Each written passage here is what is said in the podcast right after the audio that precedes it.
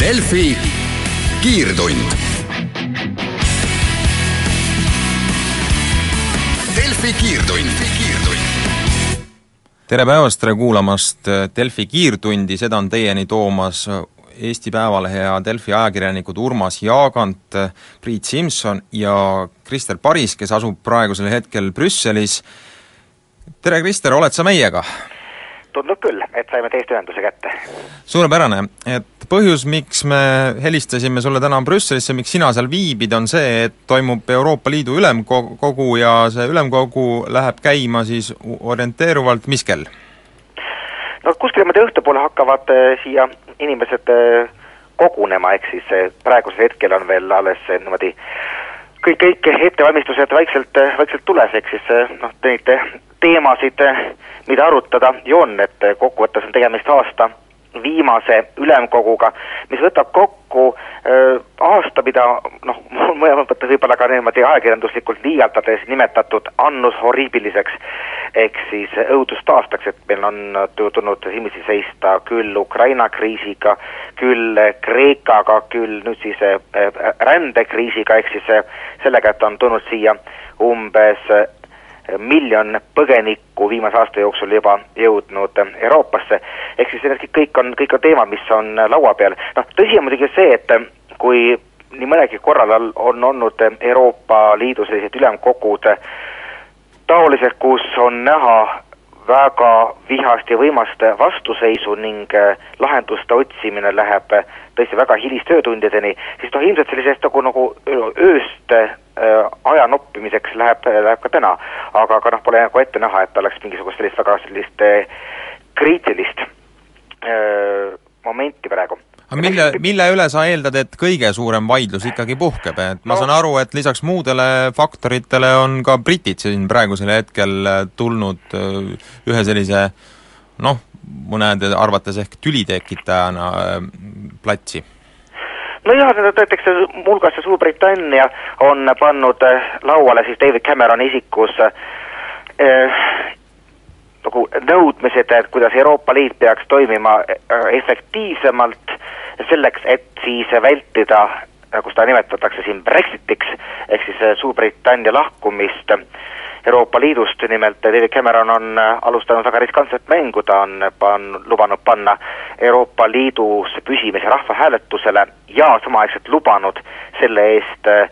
seista, et äh, Suurbritannia jääks Euroopa Liitu, juhul kui täidetakse terve hulk tema tingimusi, ehk siis noh, kui ta saab siit tulla kuidagi tippkohtumiselt tagasi äh, sõnumitega, mis oma positsiooni kindlustavad, siis ta saab ennast nagu näidata, et näete, et Euroopa Liit on kokkuvõttes igati hea, tuli meile vastu, aga eks see selline natuke välja, väljapressimine on. Ja noh, muuhulgas on ta äh, ka siis äh, nagu ütleme, vastuolulisemalt siin, siin Euroopa Liidu poolt vaadates või teiste Euroopa riikide poolt vaadates on olnud David Cameroni nõudmine, et tal oleks õigus mitte anda äh, teistest Euroopa Liidu liikmesmaadest, ma pean siis silmas, silmas teisi Euroopa Liidu, Liidu liikmesmaid, mitte, mitte pagulasi ega kuskilt, kuskilt mujalt tulijaid, mitte anda neile äh, võimalust saada osa Suurbritannia sotsiaalhoolekandesüsteemist nelja aasta jooksul, kui nad tulevad sinna tööle ja, ja alles pärast seda saaks, hakatakse neid kohtlema võrdselt teiste äh, kodanikega, ehk siis noh, tegemist on väga tõsise nii-öelda rünnakuga Euroopa Liidu äh, solidaarsuse al-, alusalade pihta, aga eks see neist näitab äh, ka, missugune on noh, noh paljuski ka Cameroni enda poolt üles köetud äh, õhkkond Suurbritannias, kus tõesti ühed on, üks teema on pagulased, teine on ikkagi needsamad Euroopa Liidu kodanikud, Eestist vähem, Lätist, Leedust palju, palju rohkem ja ennekõike siis Poolast, Rumeeniast, Bulgaariast inimesed, kes on läinud Suurbritanniasse tööle ja noh, keda, keda on väga kerge jällegi portreteerida siis sealsete sotsiaalhoolekandesüsteemide kuritarvit-, kuritarvitajatena. üks, üks oluline teema on ju ka äh, arutusele tuleb, äh, mis puudutab sellist piirikaitset äh, Euroopa Liidus, et et see on ka üks selline ma saan aru, üks valdkond, mis võib tekitada palju sellist arutelu just selle poole pealt, et kas, kas on jälle tegemist sammuga nagu föderaliseerumise poole, kui me hakkame siin Frontexi Äh, nii-öelda õigusi kõvasti laiendama, et äh, ilmselt, ilmselt selle üle tuleb ka päris palju vaidlust. no see on see, selge selgelt, et nagu tegelikult on see isegi võib-olla teema number üks, ehk siis Euroopa Komisjon on tulnud välja päris ambitsioonika kavaga,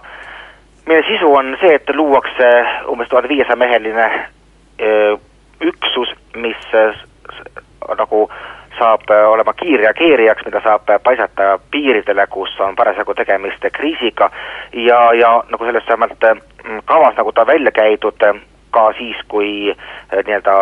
riik, mille piiri minnakse valvama, pole tingimata selleks eh, just nõusolekut andnud. no iseasi jah, kui, kui ta, kas see töö toimiks ka sellise sügava keeldumise puhul või mitte, no võib arvata, see tekitab tohutult palju poleemikat, juba Poola oma praeguste võimude poolt, mis ei ole üldse väga sellised nii-öelda eurointegratsiooni pooldajad, on avaldanud sügavat nördimust, väites, et tegemist on ühe kõige jõhkrama sekkumisega rahvusriikide suveräänsusesse, äh, tegelikult käib muidugi jutt mitte Poolast, vaid, vaid Kreekast antud juhul, ehk siis äh, noh, võib eeldada, et äh, eks seda ettepanekut lahatakse ja võib-olla pigem lahjendatakse, aga jah, kogu see rändekriis on tekitanud Euroopa Liidus uue tõuke selles suunas, et, et siis rohkem ühendada öö, äh, oma, oma jõudusid nii-öelda ühiste probleemide nimel, et ega see äh, Schengeni öö, piirikontrollide vaba öö, liidu öö, ohtu sattumine pole ju tingitud mitte millestki muust kui sellest, et mõned riigid kas ei taha või ei suuda, just nimelt siis need Kreeka ja vähemal määral Itaalia, täita oma kohustusi välispiiri valvamisel, ehk siis see on nagu suunatud sellele, et kui me tahame, et toimiksid siin sees ühed lepingud, siis peab olema ka kindlustatud äh, nii-öelda välispiir, et eks, eks näis, kuhu ja kui kaugele sellega jõutakse, äh, need Euroopa Liidu riigi, riigipead siin on täiesti arusaamisel selles, et, et mm, kui, kui, kui üldse midagi, on nad praegu nõrgemas positsioonis kui kunagi varem, sest äh, rahva arvamus üle Euroopa on üsna külmaks muutunud selliste üle-euroopaliste projektide ja, ja seda enam, et tegelikult on ju päris, päris palju raha kulutatud selleks, et see Schengeni välispiir peaks, et teatud tehnilised nõuded, esi, isegi Eestil ju näiteks samamoodi anti Euroopa poolt raha, et saaks saada piirivalvekoptereid ja jälgimisseadeldisi muretseda Euroopa raha eest, aga meie läheme nüüd äh, siit esimesele pausile, et äh, suur tänu sulle, Krister! Delfi kiirtund. Delfi kiirtund, selle aasta viimane Delfi kiirtund läheb nüüd edasi, Priit Simson ja Urmas Jaagant on seda teieni toomas, Krister Paris äh, Brüsselist äh, juba tegi oma esituse ära. Ja meie läheme nüüd edasi teiste teemadega, millest äh, üks on nimelt rahvaküsitlus ja selgub, et äh, arvamusuuringu põhjal, mille, mis on Riigikantselei poolt tellitud ja DNS Emari poolt läbi viidud, äh, paistab, et eestlaste vastuseis pagulaste tulekule on mõnevõrra leebunud. ja arvud, mis seda annavad põhjust arvata, on, et näiteks kui juunis arvas kakskümmend üheksa protsenti eestimaalasi, et hädas olevaid inimesi ei peaks vastu võtma, siis novembri lõpu seisuga oli nende hulk kahanenud viieteistkümne protsendini loomulikult äh, oli veel mitmeid teisi numbreid, äh, mis äh, näitavad, et ikkagi ähm, noh, kuskil suurem osa, üle poole eestlastest ikkagi arvab, et pagulaste elurajoonid muutuvad getodeks tulevikus ja sellega suureneb ka kuritegevus ja mitmeid selliseid ettevaatust ilmutavaid seisukohti on kahtlemata veel, siis on näha, et teatud selline ärevuse kõrghetk on nüüdseks siis möödunud, et äh, Urmas, kuidas sulle tundub, et äh, kas me võime juba siin hõisata või äh, et äh, nii-öelda see ühiskondlik pinge on mõnevõrra leebunud või millest see võib tulla, kas see on üldse realistlik, et see küsitluse taga ongi reaalne nihe inimeste hoiakutes? ma arvan, et siin on selles mõttes nihe kindlasti olemas, et äh, see, see teema ju tabas meid äh, nagu täiesti ootamatult. et siin, kui siin ütleme äh,, mõnede riigijuhtide poolt on olnud ka etteheiteid äh, ajakirjandusele, et äh, et me siin žongleerisime igasuguste numbritega, tuhandete numbritega, tuhandetega, et kui palju neid pagulasi siis Eestisse tuleb, et et sellega nagu seda vastuseisu siis kohe ajasime, ajasime nagu kõrgele, siis ma võin siin nagu vastu öelda ka seda, et et kui ütleme, kas just noh, kommunikatsioon või selline info edastus oleks tollel hetkel olnud öö, valitsuse poolt kuidagi konkreetsem või selgem, no ma saan aru, kõiki asju ei olnud ka teada tol hetkel, aga ma olen suhteliselt kindel, et et ütleme, meie riigijuhte tabas see komisjoni ettepanek need pagulased niimoodi laiali jaotada ikkagi suhteliselt ootamatult, et et mis, mis on nagu lõplik variant jäi. Ja ma arvan, et, et see suur vastuseis alguses kindlasti oligi, oligi seesama, et ega, ega kellelegi ei meeldi, kui midagi nagu peale surutakse. ja, ja see vastuseis nagu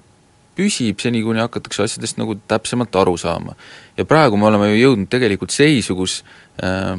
ühtegi pagulast siia ju veel tulnud ei ole äh,, see number on, kas keegi üldse mäletab, mis see lõplik number jäi, ega vist väga paljud enam isegi ei mäleta, et see et see teema on nagu jah, selline suurem visin on nagu välja läinud ja inimesed võib-olla on hakanud seda natuke rahu, sellepärast ka nagu rahulikumalt võtma. noh, tundub, et äh, jah, et siiamaani ei ole neid horde nagu veel pärale jõudnud, noh, nii palju, kui mina olen isiklikult pagulasi näinud äh,, käisin ju septembri alguses kaks päeva Ungari-Serbia piiril, siis äh, ega kellelegi neist ei tulnud pähe nagu mingisugune muu adressaat suurt peale noh, Saksamaa, enamasti, enamik mainis Saksamaad äh, ja mõned üksikud siis Rootsit, äh, oli ka inimesi, kes äh, mainisid Belgiat, noh sellel hetkel ma rääkisin ikkagi vähemasti kümnete inimestega ja noh, kuulsin vähemasti väga lühidalt nende selliseid põhilisi sihte. Ja samamoodi õigupoolest ületasin ka äh, Äh, siin paari nädala eest äh, Iraagi äh, ja Türgi piiri ja seal olin mikrobussis, milles oli ka kaks Iraagi noormeest, kes olid samal hetkel teel Saksamaa suunas, et jube, jube probleemitult läks neil see piiri ületamine Türgiga, nii et ja noh, muidugi tõenäoliselt mina pakuks, et ka nende pagulaste enda hulgas hakkab juba seisukoht võib-olla muutuma, sellepärast et et kui õnnestuks neid küsitlusi läbi viia, sellepärast et nad äh, võivad ühel hetkel aru saada, mingi osa neist, et et see nii lihtne ei olegi, et ja. Äh, see kõik ei tarvitse tingimata vaeva väärida. ja kui me vaatame selle nädala Ekspressis olnud lugu sellest, kuidas Eestil äh, meil on nüüd inimene ju, kes valib vist Itaalias siis jah, välja nii-öelda meile sobivaid pagulased, on natuke imelik öelda, aga nii see käib, siis ega see lihtne ei ole, et äh, sealt hetkel vist ei olegi nagu otseselt kedagi nagu leitud, et et mulle tuleb selle kohe meelde siin paari kuu tagune sama Delfi kiirtunni saade, kus kolleeg Teele Tammer nagu viskas õhku küsimuse, mis siis saab, kui lõpuks pärast kõike seda jama, mis me siin oleme, kogu seda furoori, mis siin on käinud, selgub, et ei tulegi mitte kedagi, sest et kas, sest et keegi lihtsalt ei, kas ei taha või me ei suuda leida kedagi, kes nagu vastaks sinna meie tingimustele, et et mis me nagu siis teeme. ja ma kardan, et ega see olukord ei, ei pruugi üldse nagu kaugel olla. noh, siin ongi, tekib seis, kus äh, ühest küljest äh, noh, inimene on pähe võtnud, et tema läheb nüüd Saksamaale, sest et tal on seal mingisugune ports sugulasi juba ees. Äh, aga siis Euroopa Liit ütleb talle, et ei, sa lähed Eestisse. et sellisel juhul mulle tundub, et võib seda, sellist, seda vajadust murda seda pagulaste tahet tekkida päris palju, nii et äh, see kõik ei tarvitse üldsegi ilus olla. ja mul, mulle tundub jah, et see, et see süsteem ei ole tegelikult ka veel lõplikult valmis, et et äh, seda on küll täitsa õudne vaadata, kui, kui kaua selle kõigega läheb, mismoodi, tegelikult on ju Euroopa Komisjon isegi kiiresti tegutsenud ja äh, teised institutsioonid ka, et midagi on ju nagu kokku lepitud, olgugi et et suuremaks pagulaste jaotamiseks ju pole veel läinud. et, et kui seda süsteemi on kindlasti hak-, vaja veel hakata täiendama ja võib-olla kohati ehk isegi ümber tegema, siis siis me saame veel siin päris palju nagu näha seda, seda segadust, aga selle, selle Riigikantselei uuringu kohta ma veel ütlen nagu seda juurde, et et jah, see üks nii-öelda vastuseisu tulp on jäänud nagu küll kõvasti lühemaks, äh, aga tegelikult see uuring näitab ikkagi sellist äh, üldist äh, pilti nagu noh, mitte just kuigi hästi ikkagi, et ega meil inimeste suhtumine endiselt on halb, et äh, kui, kui vaadata ja vaevalt Inim- Pariisi juhtum seda ka paremaks tegi, eks ole, et kus, kus nii-öelda värskelt Süüriast saabunud inimesed olid saabunud ka teatava lisaülesandega viia läbi siin terroriakte, nii et kindlasti tekitab see teatud usaldamatust ka nende suhtes, kes on tulnud eh, rahumeelsete eesmärkidega. ja selles küsitluses üks väga kaval küsimus ka selles mõttes, et et äh, kohe alguses, ma saan aru, esimene küsimus oli, et kas äh, nii-öelda teist inimest peab aitama, noh, väga suur in-, hulk inimesi ütleb jaa, loomulikult, on ju, muidugi tuleb teist inimest aidata. aga niipea, kui minnakse konkreetsemaks, siis hakkavad tekkima agad. Nagu see ilmselt ikka on ja siin tuleb mängu seesama vana hea mm, äh, lähenemine, et äh, mitte minu tagaaias, et et inimesi noh, üldiselt ikka tuleb aidata, aga kui neid pean aitama mina ja sellega, et ma luban nad kuhugi siia oma naabriks või oma siia taha õue, siis, siis see abistamise soov nagu kärbub väga kiiresti kokku. Jah, no mõtleme selle peale, et päris palju on tulnud ettepanekuid, et saadame nad kusagile Ida-Virumaale, see annab muidugi märku sellest, et suure osa eestlaste jaoks on see Ida-Virumaa selline kaunikesti võõras paik ja, ja et noh, miks siis mitte juba sinna saata, eks ole, kuigi on täiesti selge, et kui need Ida-Viru, kui nad sinna Ida-Virumaale lähevad, siis eh, igasuguse kaugelt tulija võimalus mingilgi viisil kuidagi Eesti eh, kultuuriga lõimuda noh, kahaneb märkimisväärselt, et eh, võimalus, et ta saab näiteks eesti keele praktikat kusagil äh, oletame, Narvas või, või Jõhvis, et äh, see on suhteliselt väike äh,. Aga äh, tegelikult kogu seesama mm, pagulasteema on ju toonud ka mm, äh, noh, sellist, ta on lihtsalt niivõrd kaua kestnud, et ta on äh, mitu kuud, et võib-olla äkki hakkabki inimese, inimestel selline äh, teatud väsimus peale tule, tulema, et äh, et ei jaksa enam võidelda?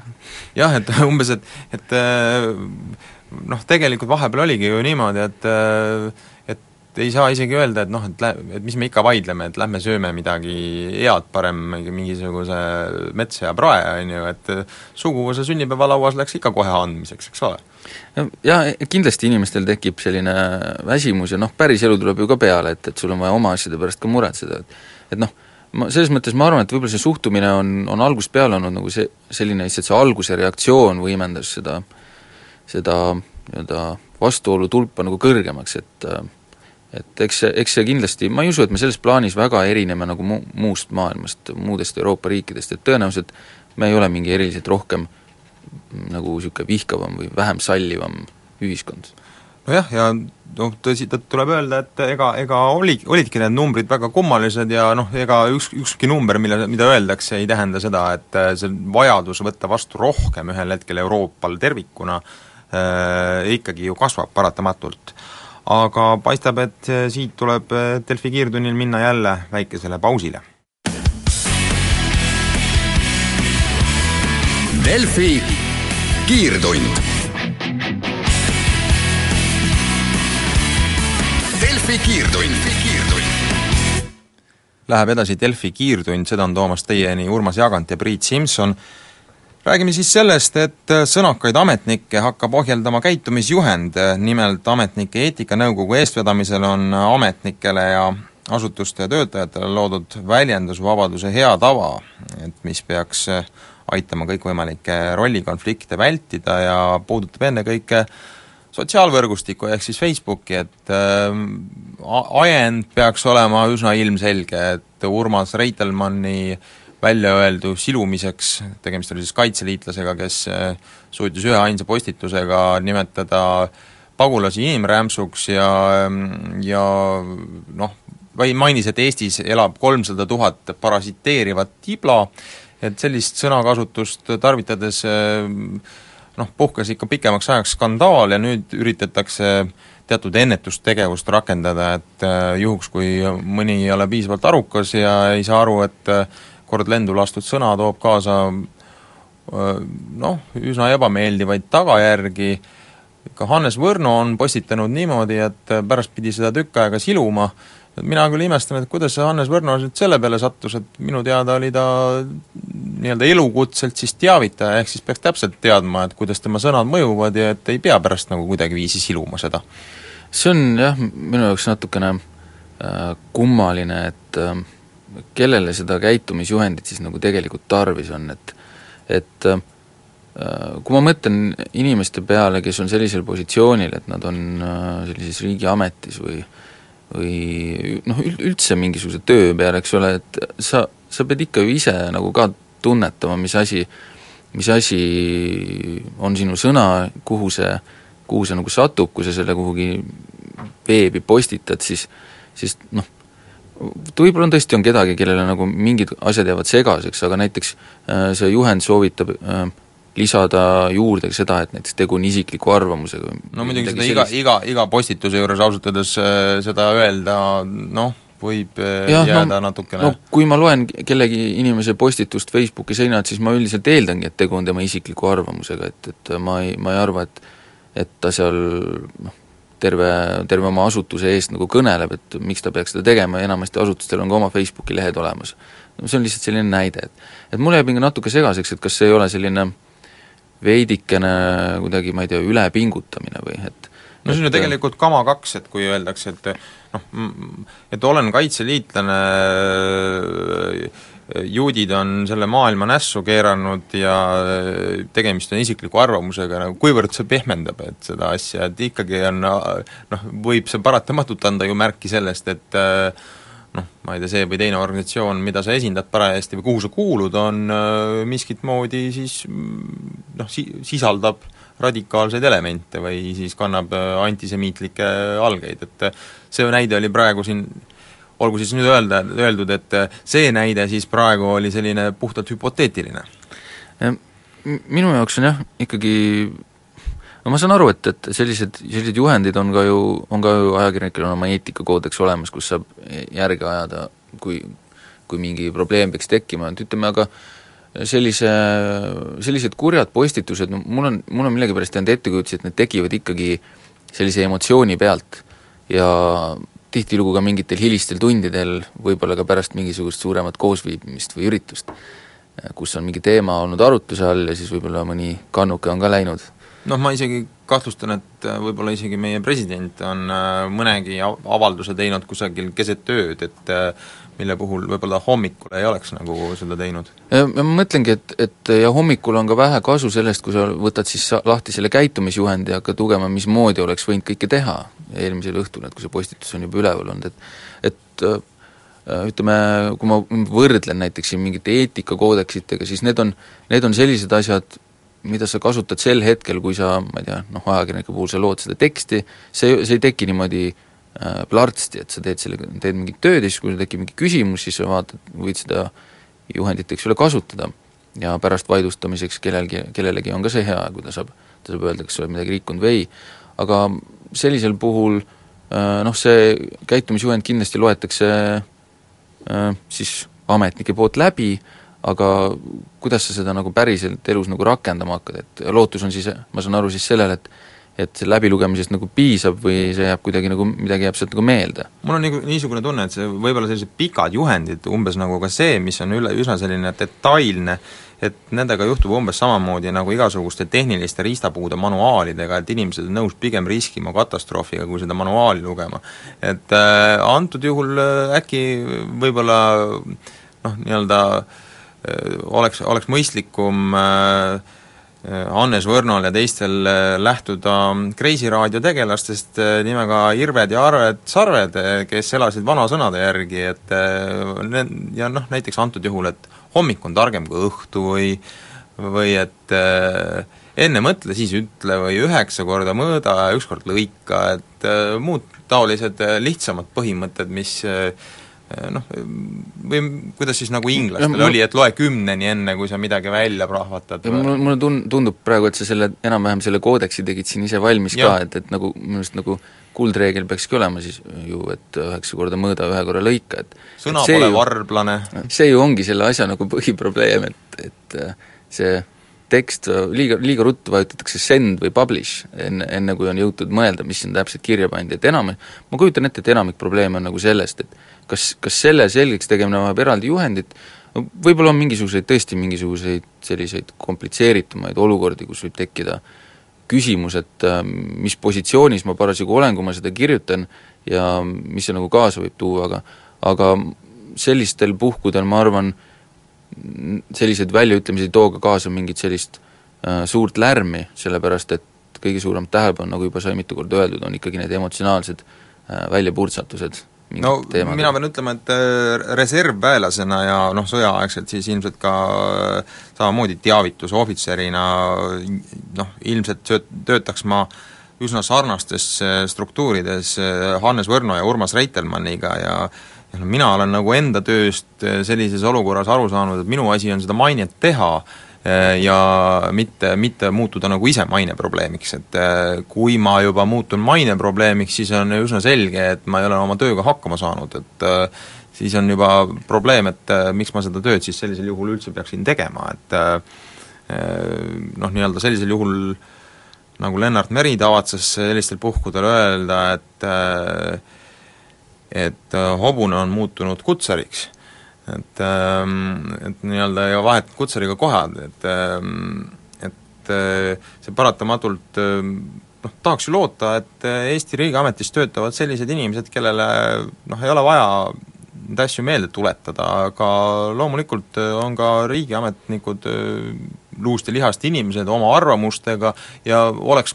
noh, tegelikult oleks ka väga kahju, kui see asi läheks teise serva, et inimesed üldse ei julgeks midagi arvata. vot, vot just seda ma tahtsingi öelda, et kui sellest äh, kood-, koodeksist midagi või käitumisjuhendist midagi kasu võiks olla, siis just nimelt see, et et sellised äh, tippametnikest allpool olevad äh,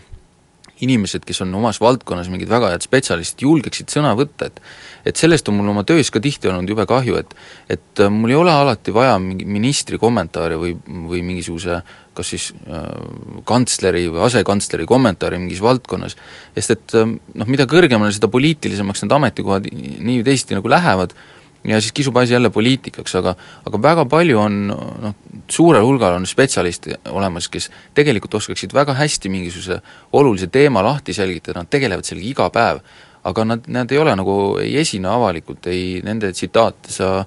ajalehest ei leia, et et kui kui see nagu juhend aitaks või annaks neile julgust, siis, siis on, siis see kasu on sellest, ma arvan, väga hea. no tegelikult on ju niimoodi, et sõnavabadus kehtib kõigile Eesti Vabariigi kodanikele, kaasa arvatud äh, riigiametnikele, et isegi kui kui äh, nii-öelda see arvamusavaldus ühes või teises kohas ei tarvitse nagu kuidagiviisi ühtida selle, selle ametikohaga, et aga noh, jumala eest ei tohi ka äh, riigiametnikult äh, tema püha kodaniku õigust ära võtta, on ju, et äh, loomulikult äh, aga tuletamegi meelde, et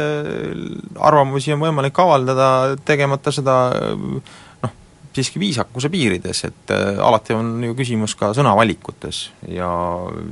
Reitelmanni puhul oligi see küsimuseks, nii et siit läheme väikesele pausile, et jõuda viimase saateosani Delfi kiirtund. Delfi kiirtund, kiirtund. ja algab selle aasta Delfi kiirtunni kõige viimase saate kõige viimane osa ja teemaks on selleks puhuks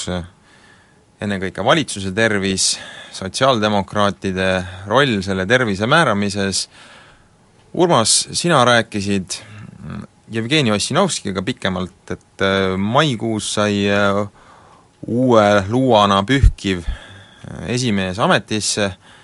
et ähm, sellest ajast saadik on ta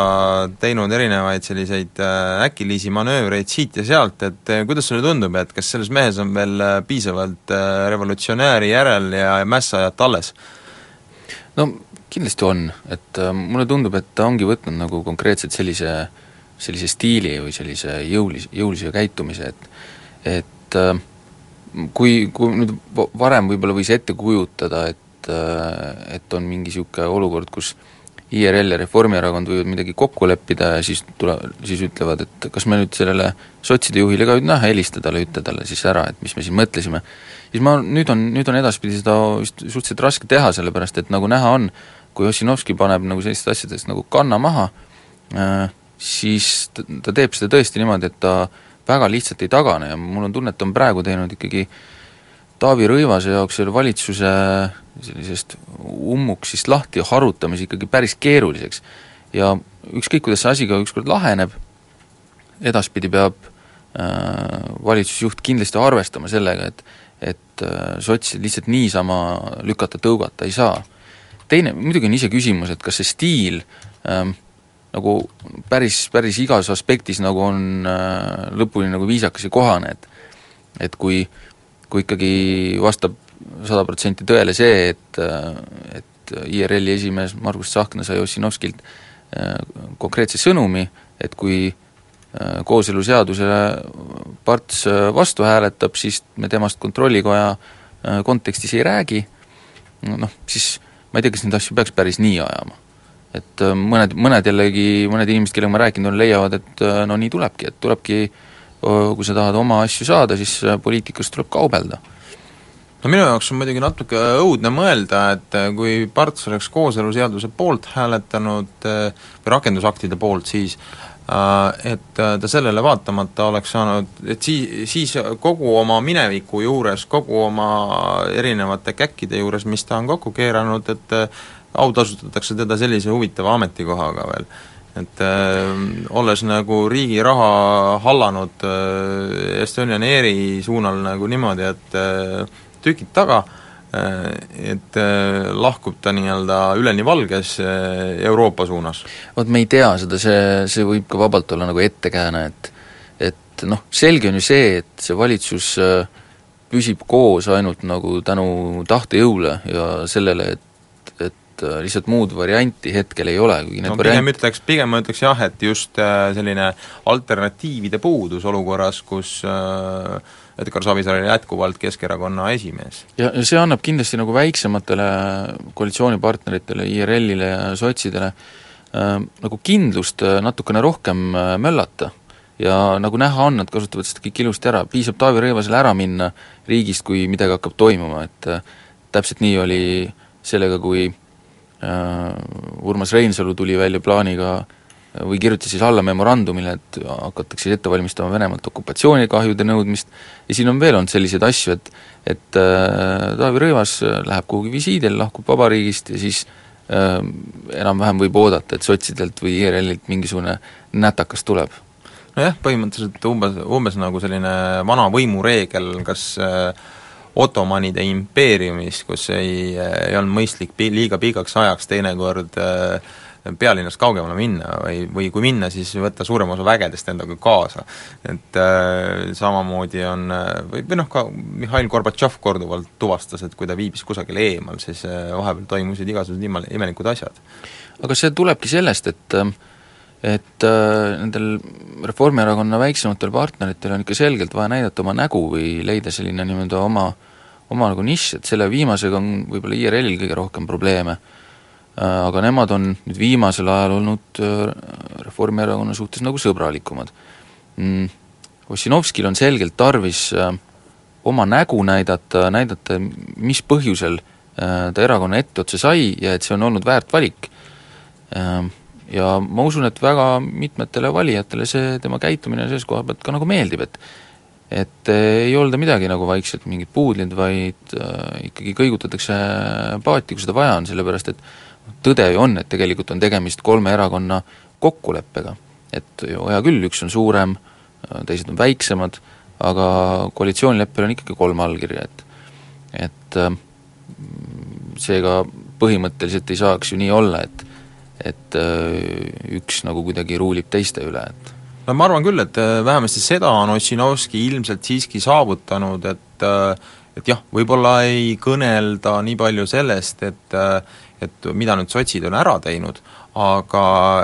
enam ei kõnelda ka sellest, et noh, need sotsid ongi ühed puudlid. Et ma ei ole väga tähele pannud, et võib-olla nagu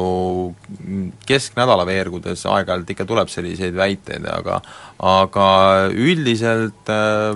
pigem mulle tundub, et näiteks äh, ajakirjanike ringkondades kuulates maad, et pigem vaadatakse, et no mida ta nüüd jälle provotseerib, et äh, et mis ta, miks tal on tarvis seda asja nagu serva peale ajada, et et isegi pigem vaadatakse, et ta on nagu igal võimalusel sellist noh, oma, oma selgroogu näitamas, et ja, ja tundub, et äh, nii-öelda see kontrollikoda jah, on ük, olnud üks nendest asjadest, kus jah, see on, see on tegelikult ju suhteliselt väike asi, kui me mõtleme selle peale, et, et mis, mis see siis nagu tähendab, nagu ütleme, Eesti riigi arengu perspektiivist, on ju, millega valitsus peaks tegelema, noh see on ju nagu, see lause vist küll jäi välja, aga mida Jevgeni Ossinovski mulle ütles, et see on äh, valitsuse asjade hulgas no top kolm tagantpoolt, on ju, võib-olla seal sees, et et ähm, kõige, minu jaoks on ka väga tähtis on siin vaadata seda, et mismoodi äh, Taavi Rõivas tegutseb. et tema on ju tegelikult valitsusjuht ja tema asi on teha nii, et see valitsus nagu püsiks koos, et kui keegi juhtus eile vaatama Foorumit, siis seal ütles Jürgen Ligi, et äh, Rõivas on väga niisugune kompromissi otsiv, väga diplomaatiline ja siis Ligi jaoks isegi nagu kannatamatult niisugune äh, diplomaatiline, noh, võib uskuda äh,. Aga teistpidi võib esitada ka küsimuse, et äkki äkki mingites küsimustes tuleks ikkagi olla jõulisem, sest et kui kui me ikkagi vaatame seda, seda janti, mis on nüüd käinud selle kontrollikoja koha ümber, siis see on ikkagi, tegelikult mulle tundub, et see hakkab ikkagi naeruvääristama ühel hetkel äh, Äh, valitsus tervikuna ja see võib mõjuda kõigile kolmele erakonnale kehvasti, et et äh, nagu lehtedes muust ei räägitagi, on ju, ja aga samas on palju suuri asju, mis vajaks nagu lahendamist või mis vajaks tegelemist. no ma ei mäleta küll, et äh, niivõrd suurt tähelepanu oleks pööratud näiteks hiljutisele uudisele, et noh, et tõenäoliselt meil tulebki majanduskasv sellel aastal üks koma mingisugune protsent, mis on äh, väiksem kui naabritel ja noh, eriti väike on ta näiteks võrreldes äh, sellise vana ja peaks olema stabiilse majandusega, näiteks nagu Rootsi seda on, et et me selle üle nagu pead ei ole murtud, et, et äh, Eesti riik on äh, majanduslikus mõttes paraku stagnatsioonis ja et noh, et kas, kas selle üle ka arutatakse, eks ole, personaalia küll, aga see tekitab kirgi, aga, aga et võib-olla nagu sellised laiemad arengusuunad, et äh, üle pika aja ju Eestis ei ole sellist äh, tuhina ja paremaks mineku tunnet enam. jah, sel-, teistpidi mõeldes äh, võib-olla ongi neile praegu mõnus, et kui me räägime sellest kontrollikoja asjast, sest kohe tulevad jõulud peale, aastavahetus, siis ei räägi keegi üldse mitte millestki peale, peale prae ja kartulit, eks, et võib-olla ongi mõnusam natuke aega lasta hinge tõmmata, et selle asemel, et vastata küsimustele majanduse halvast seisust. Jah, et äh, aga ma arvan, et aeg-ajalt tulebki äh, hinge tõmmata, äh, panna siis erinevad vastuolud kõrvale, noh, eks uuel aastal läheb jälle uue madinaga edasi, seniks soovime teile kena aastalõppu ja kohtumiseni siis juba uuel aastal Delfi kiirtunnis, et kena neljapäeva jätku teile! Delfi kiirtund. Delfi kiirtund